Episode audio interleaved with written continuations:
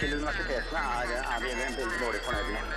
Og hvis du ser på hva tar say no more killing of innocent lives. Ja, det, den saken eh, tapte vi i Soria Moria-forhandlingene. Det var aldri Men hvorfor tapte dere når alle er enige om det? Eh, Nei, det var ikke så stor enighet som eh, det Er det et kunne område vi møter den tradisjonelle brytningen mellom individets frihet og samfunnets ønske om beskyttelse? Lokalt, nasjonalt, internasjonalt. Nyhetsfredag går i dybden.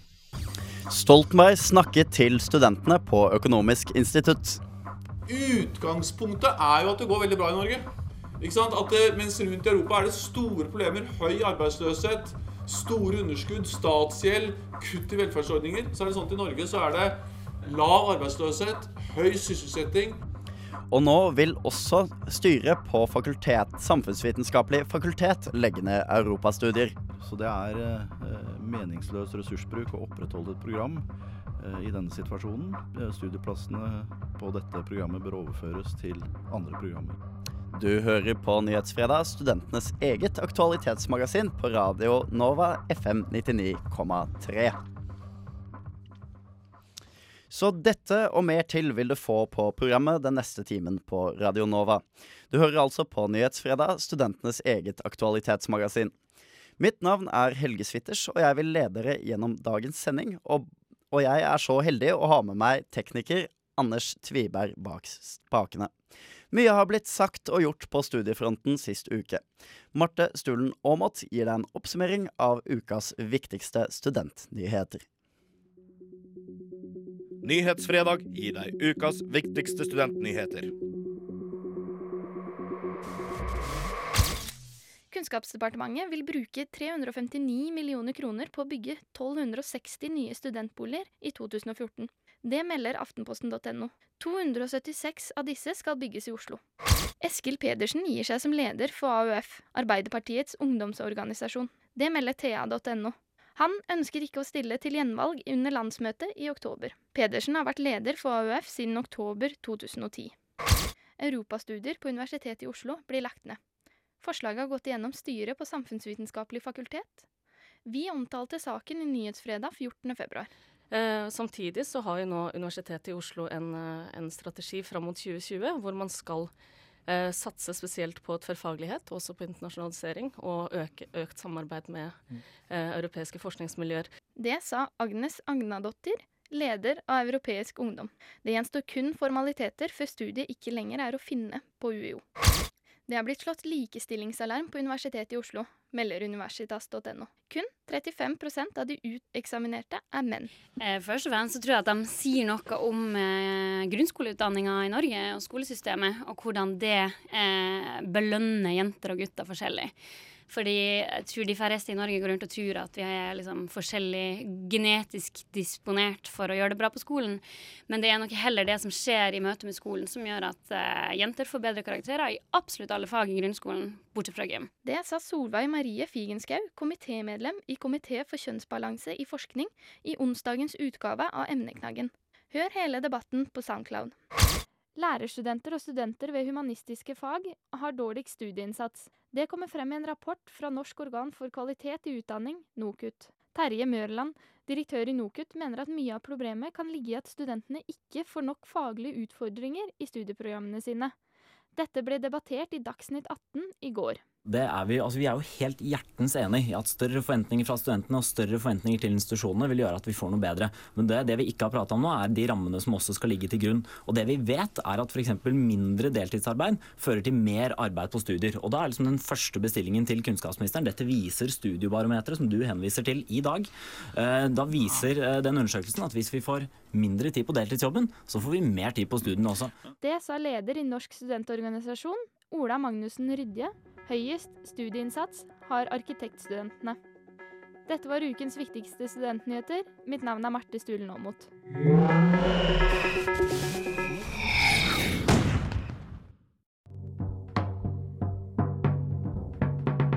Nyhetsfredag. Fredager klokken 11 på Radio Nova FM 99,3. Høyere utdanningsinstitusjoner har nå fått to likestillingsdilemmaer. Det er for mange kvinnelige studenter og for mange mannlige professorer. Mer om dette senere i programmet. Radio nå. Det var Linda Pira som har samlet kremen av kvinnelige rappere i Sverige på remixen av 'Knepper mine fingre'. Denne uka ble det besluttet i fakultetsstyret på Samfunnsvitenskapelig fakultet og på UiO at man støtter Institutt for statsvitenskap ønsket om å legge ned europastudier. Nedleggelsen har vært kontroversiell, og studentene i programutvalget har stått på barrikadene for å hindre nedleggelse. Studentene har vært såpass aktive at de har kontaktet politikere på Stortinget for å få støtte. En som har vært særlig aktiv i dette arbeidet, er Kaja Elisabeth Derud, som er leder på programutvalget for europastudier. Hun sitter nå sammen med meg i eh, studio, og vedtaket om nedleggelse ble fattet på onsdag.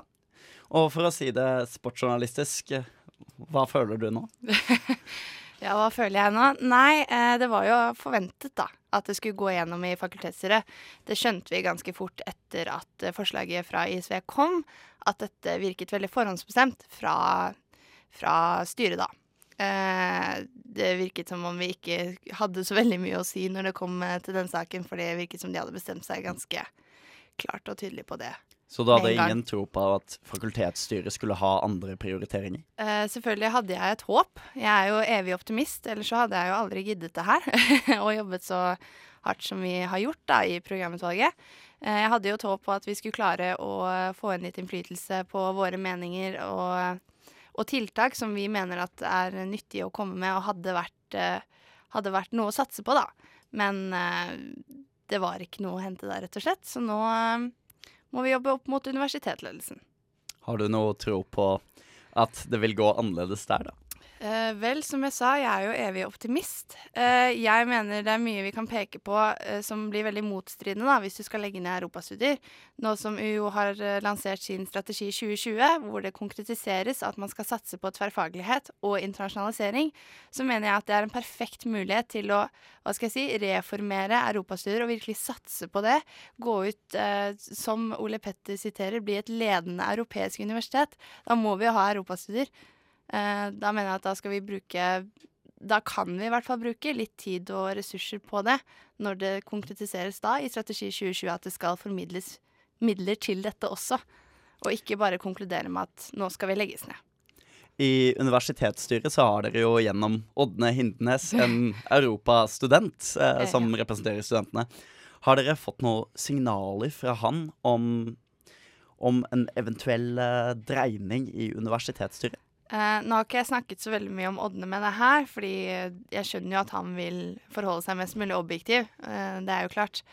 Men uh, selvfølgelig, jeg prøvde jo å lobbe han lite grann. og da sa han du trenger ikke å lobbe meg.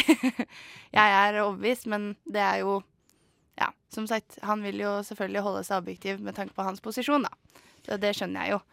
Men dere har jo fått kontakt med altså stortingspolitikere om denne saken. Ja. Såpass langt at Anniken Huitfeldt stilte stortingsspørsmål om nedleggelsen. Mm. Hvordan har dere jobbet for å bygge denne alliansen? Uh, nå har jeg vært så heldig at min nåværende nestleder Caroline Soth uh, er, eller er og har vært lenge veldig aktiv i studentpolitikken, da i AUF. Så hun hadde mange kontakter sånn sett da, som vi brukte litt der, for å si det sånn. Nå skal vi faktisk tilbake på Stortinget på mandag for å lage en liten slagplan. Eh, se hvordan de kan hjelpe oss videre, og hva vi kan gjøre som studenter. da. For eh, vi står jo ganske fritt. Vi kan jo ikke akkurat bli kastet ut av UiO fordi vi roper litt ekstra høyt. Ehm, eh, så ja, det blir spennende å se hva prosessen blir fremover. Og vi tenker at det er viktig å få det her ut, da. Eh, at eh, våre meninger skal ha noe å si. At vi ikke må At vi ikke blir stoppet av hierarkiet da, på UiO, for å si det på den måten. Men dere føler at dere får godt gehør for deres sak hos politikerne? Eh, det mener jeg. Eh, fått mange positive tilbakemeldinger der, og eh, der har vi ikke Vi har ikke settet oss ned på, eh, på rumpa med armene i kors og begynt å grine fordi vi er krasse og sutrende studenter. Vi har lagt frem saken og pekt på begge sider, fordi jeg ser jo selvfølgelig argumentasjonen. Jeg er jo ikke født i går. Jeg ser jo det med at lave søkertall og dårlig gjennomføringsgrad ikke er eh, så veldig hensiktsmessig eh, på UiO. Eh, det taper jo de penger på. Men jeg mener at det finnes veldig enkle tiltak som vi heller burde se på. Gi oss ett til to år da, på å forbedre det her. Funker det Men ikke da? har man ikke brukt godt over to år på å prøve å forandre dette programmet? Altså, Dag Harald Klas, leder for Institutt på statsvitenskap, sa jo sist gang vi hadde denne debatten oppe, at dette har vært en, et kontinuerlig arbeid over ti år på å forbedre programmet, men at det ikke har skjedd noen endring i Mm. søkertall. Men da spør jeg, hva er disse tiltakene da, som de snakker så veldig varmt om? Hva er det de mener de har gjort og brukt så mange ressurser på? Det klarer de ikke å vise til. Altså, Nå kan jo ikke vi diskutere Nei, eh, greit. instituttets tiltak ettersom de ikke er til stede i studio. Men eh, du mener, etter hva jeg har skjønt, at studentene har lagt ned veldig mye tid Ja. i å forbedre programmet. Hvis jeg skal dra inn et eksempel, da. Eh, Espen Berg Larsen, eh, tidligere leder for Europeisk Ungdom og også tidligere europastudent på UiO, eh, var jo også han som hva skal jeg si, grein seg til eh, å få inn det EØS-rettfaget som vi har eh, da i tredje semester. Decision Making Processes, STV 2500. Ja. Men veldig mange av studentene på europastudier velger jo å ta en fordypning i statsvitenskap. Nå blir jo dere stort sett statsvitenskapsstudenter. Mm. Vil dere merke en forskjell egentlig hvis europastudiet blir lagt ned? Um, altså det er det som er litt av greia, da. Jeg mener at europastudier per i dag uh, ikke er et godt nok program. Det har masse utviklingspotensial, og det, jeg mener, det er det jeg mener at vi burde se på, da, sammen med ledelsen. Hvordan er det vi kan forbedre her, og virkelig gjøre det til et satsingsprosjekt. Eh, hvis vi tar en titt bare i utlandet, hvordan er det de har europastudier der? For europastudier finnes jo ikke bare i Norge, selvfølgelig. Eh, I Stockholm, København, Brussel. Eh, for å dra inn et eksempel der, økonomi. Hvis vi kunne fått inn eh, enda mer tver- tverrfaglighet og spisset profilen desto mer, eh, og fått inn en muligens fordypning eh, i økonomi også, så er det ikke nødvendig eller gitt da, at alle velger statsvitenskap. Og for å ta en ting der også, vi kan velge mellom historie, og fordype oss i historie, eller statsvitenskap, eller områdestudier. da. Hvorfor velger ingen noe annet enn statsvitenskap? De aller, aller fleste som går på europastudier, er jo samfunnsengasjerte. Vi er studentpolitikere, vi sitter i masse forskjellige organisasjoner. Vi bryr oss litt, og vi har lyst til å gjøre en påvirkning i samfunnet. Eh, derfor mener jeg at eh, de aller fleste, samt som meg selv, eh, ikke velger historie fordi vi har lyst til å gå videre og jobbe med politikk, da, rett og slett. Men det var jo tidligere en mastergrad i europastudier. Den ble også lagt ned for drøyt fem år siden. Hadde vi hatt en egen master i europastudier, så er det ikke gitt at vi hadde gått den statsvitenskapelige veien heller. Men når da også europastudier ligger under ISV, Instituttet for statsvitenskap, så blir det litt sånn naturlig vei å gå, nesten, da. Ja, vi ønsker dere lykke til i deres uh, videre arbeid. Tusen takk. Kaiderud, takk for at du var med oss i studio i dag. Takk og takk. Radio Nova. Bandet Beglomeg har blitt et gryende livefenomen i Oslo, og du hørte låta 'Agent of Steel'. Men nå skal vi over til studentenes arbeidstid. Det har allerede vært løftet en del problemstillinger i etterkant av Studiebarometeret. Dette var en undersøkelse i regi av Norsk organ for kvalitet i utdanningen, som kartla studentenes oppfatning av kvaliteten og miljøet på eget studie. Barometeret gir også et innblikk i studentenes studievaner.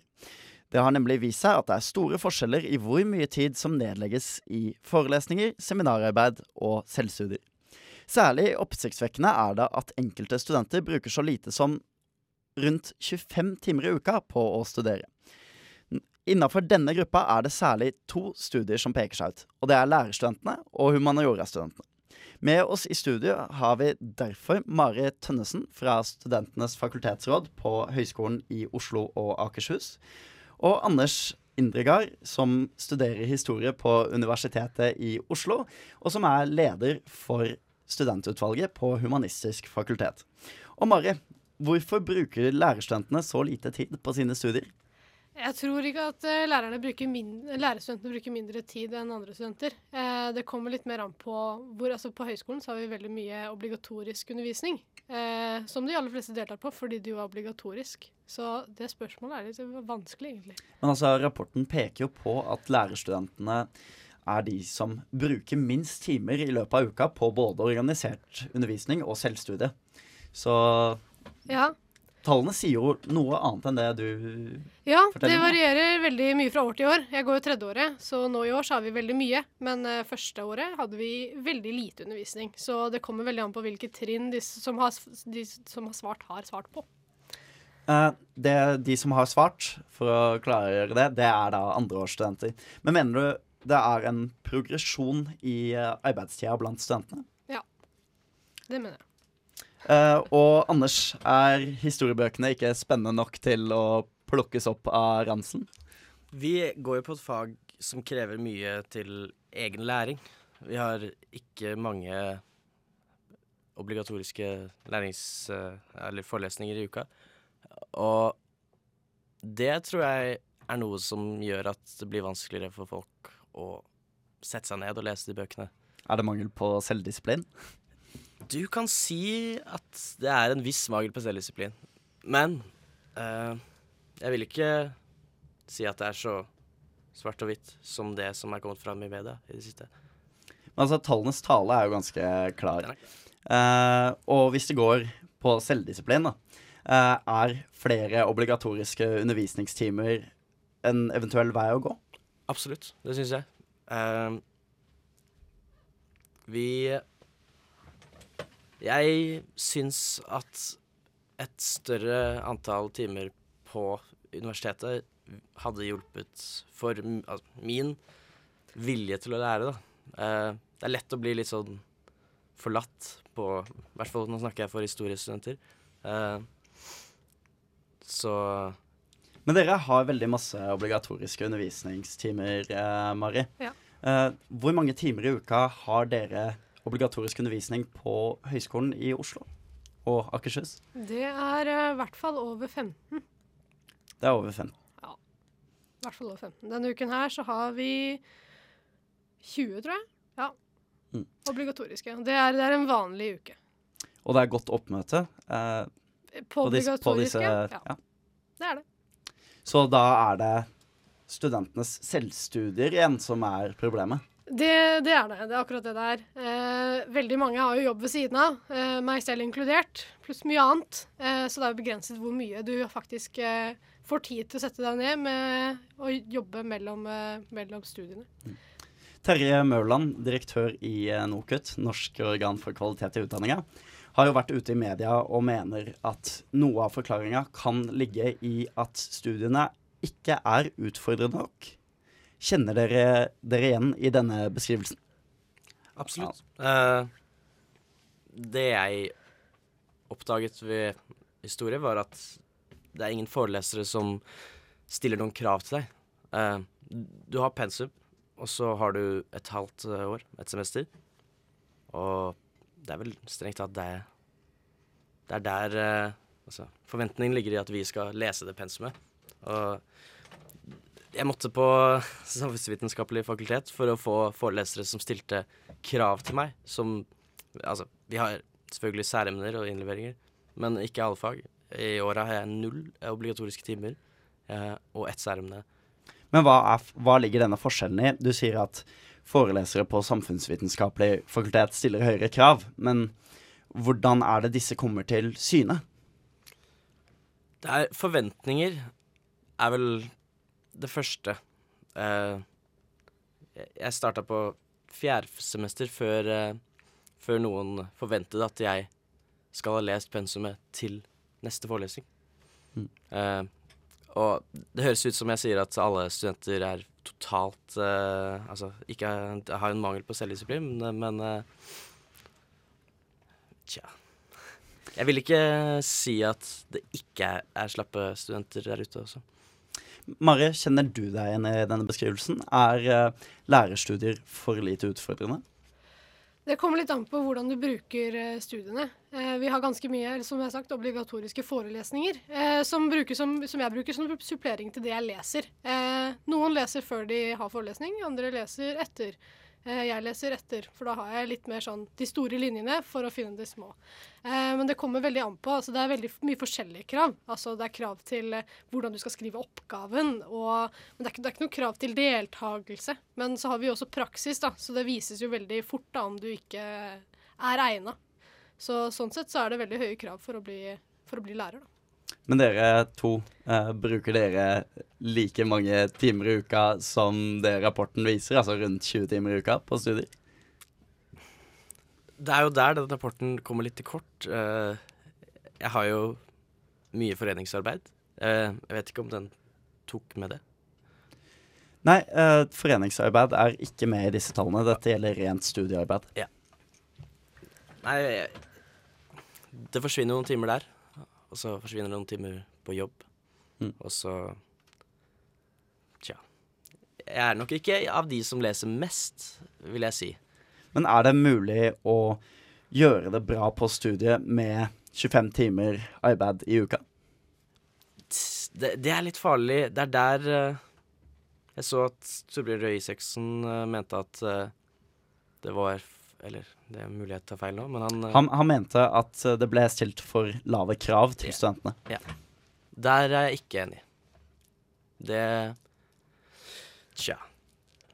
Jeg er jo ikke så fornøyd med firetimerseksamen, f.eks. Eh, så jeg Det kan variere så veldig mye på hva jeg, Det er året jeg har lest masse og fått dårlige karakterer. Og det, er- det blir vanskelig å på en måte se på den utviklingen ved å bare fokusere på sluttkarakter. Og det er derfor jeg syns ja, Mari, eh, til slutt. Er, stilles det for lave krav til studentene? Er det mulig å oppnå et godt resultat med 25 timer i uka? Ja, det syns jeg. Eh, studentene jobber forskjellig. Noen jobber mer effektivt enn andre. Eh, det, er, det er veldig dumt å generalisere. Studentene er, studentene er ikke like, jobber forskjellig. Eh, selv om du jobber 25 timer i en uke, så kan du jobbe enda mer neste uke. Det var dessverre alt vi rakk for denne gang. Tusen takk til Anders Indregard og Marit Tønnesen, som stilte opp i studio denne fredagen. Radio Nova, FM 99,3 og radionova.no. Det var låta L av Moon Relay. Og hvis du vil søke opp denne låta, så må du huske å sette seks skråstreker før bokstaven L. Denne uka organiserte Samfunnsøkonomistudentene Aktualitetsuka. To dager med foredrag og debatter rundt velferdsstatens bærekraft, og de var åpne for alle. Lista over foredragsholdere var imponerende, med både tidligere statsminister Jens Stoltenberg og nåværende statsminister Erna Solberg som trekkplastre. Vår reporter Marte Stulen Aamodt tok plassen sin i auditoriet under Jens Stoltenberg sitt foredrag.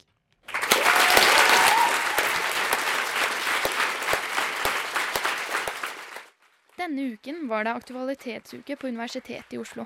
Og en av foredragsholderne var tidligere statsminister og leder for Arbeiderpartiet, Jens Stoltenberg. Han snakket om Norges utvikling som et bærekraftig samfunn, og hvordan vi kan ha et velfungerende og bærekraftig samfunn i fremtiden. Utgangspunktet er jo at det går veldig bra i Norge. At mens rundt i Europa er det store problemer, høy arbeidsløshet, store underskudd, statsgjeld, kutt i velferdsordninger, så er det sånn at i Norge så er det lav arbeidsløshet, høy sysselsetting, overskudd på statsbudsjettet, penger på bok, overskudd i utenriksøkonomien, veldig god reallønnsvekst. Skyldes dette flaks eller dyktighet? Sannheten er at det er klart at det det går bra i Norge, det er en kombinasjon av at vi har noen muligheter, vi har hatt noen naturgitte fortrinn, og noen, en historie som gjør at vi har større muligheter, bedre forutsetninger enn mange andre land. Det kan du si er på en måte flaks. At vi er heldige. Men det skyldes også at vi har vært en, en nasjon som har greid å forvalte de mulighetene på en god måte.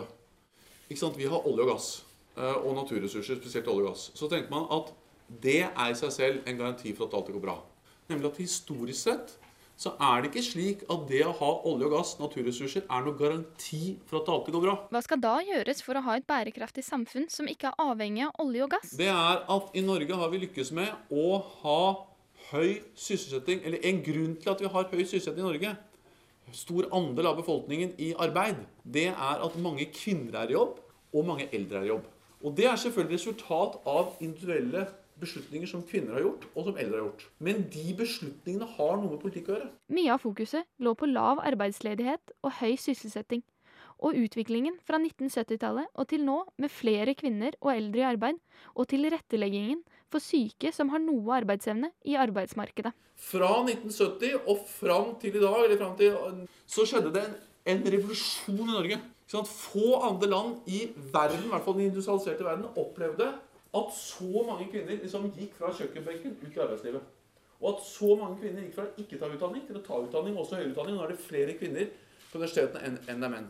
Og først er det oppsiktsvekkende, men det mest oppsiktsvekkende i Norge er at det gikk så fort. Aktualitetsuka 2014 ble arrangert av Fagutvalget for økonomistudentene, og Oslo Economics var hovedsponsor. Jon Ellingsen var konferansier og veldig fornøyd med oppmøtet. Vi er veldig fornøyd med dagen. Eh, vi har sett at vi har lykkes godt i promoarbeidet, og vi har trukket veldig mange studenter i forhold til hva som er vanlig her. Og det har vært eh, kjempemorsomt å se så mange samfunnsengasjerte mennesker på ett sted. Aktualitetsuka viser at vi økonomer har mye å bidra med i debatten, og spesielt vi økonomer her på Universitetet i Oslo, som har vært litt eh, gjemt en periode. Nå er vi absolutt på vei ut, og vi skal være en viktig leverandør av eh, debatt. Ryktene svirrer nå rundt Stoltenberg som ny potensiell leder av Nato. Og samtidig stiller flere studenter nå som kandidater til arbeidsutvalget til Norsk studentorganisasjon. Vår redaktør Erlend Buflaten har gjort seg opp noen tanker rundt dette valget. Om en uke samler studenttillitsvalgte fra hele Norge i Tønsberg for Norsk studentorganisasjons årlige landsmøte. Der skal de over 200 delegatene lobbe, diskutere og tale for å bl.a. velge plattformen NSO skal jobbe ut ifra det kommende året. Et viktig valg for en organisasjon med økende innflytelse, og som representerer over 200 000 norske studenter. I dagene og ukene før møtet er det derimot ikke arbeidsprogrammet som har de mest opphetede diskusjonene. Det er det valg av nytt arbeidsutvalg som har. En prinsipiell sak for noen institusjoner, og en maktkamp for andre. Slike valg kommer da naturligvis ikke uten konflikter og problemer. For det første er det vanskelig å egentlig vite hvem som er de beste kandidatene, da man ikke kjenner til arbeidet de som stiller, har gjort tidligere. Da hjelper det lite at kandidatene presenteres en uke før landsmøtet starter, når flere institusjoner allerede har besluttet hvem som skal få stemmene deres. For å sikre at sine prioriterte kandidater blir valgt inn, bytter institusjonene stemmer seg imellom. En naturlig løsning når valgsystemet er så avansert og kronglete som det er i dag. For slik det er i dag, er det to valg. Et valg som bestemmer leder, og et som setter sammen de resterende medlemmene av arbeidsutvalget. Dette gjøres via preferansevalg. Hver delegat skal sette opp fem kandidater i prioritert rekkefølge på valgseddelen sin. Deretter regnes stemmene ut, og det nye arbeidsutvalget presenteres. Kort fortalt høres det ganske enkelt ut, men så er det jo altså da ikke det. Med dagens ordning skal arbeidsutvalget fylles opp. Det er ikke stillingene som skal besittes.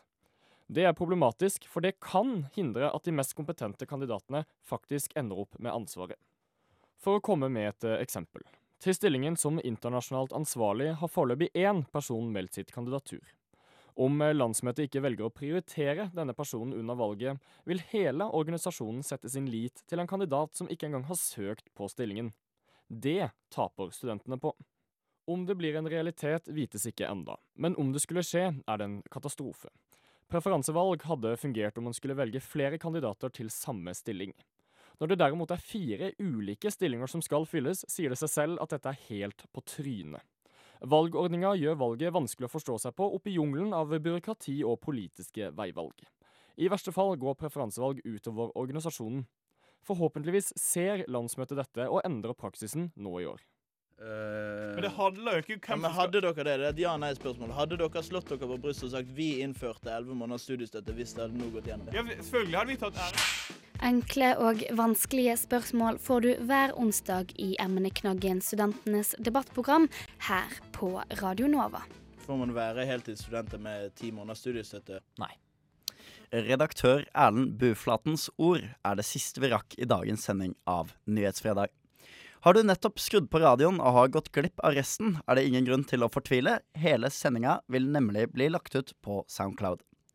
Neste dose med studentstoff får du på onsdag i programmet Emneknaggen. Neste uke vil det dra seg mot valg i Norsk studentorganisasjon, og vi i nyhetsredaksjonen vil gjøre vårt beste for å holde dere oppdatert rundt landsmøtet. Medvirkende til dagens sending har vært Adrian Nyhammer Olsen og Marte Stølen Aamodt. Anders Tviberg har stått for det tekniske, og mitt navn er Helge Sittersen.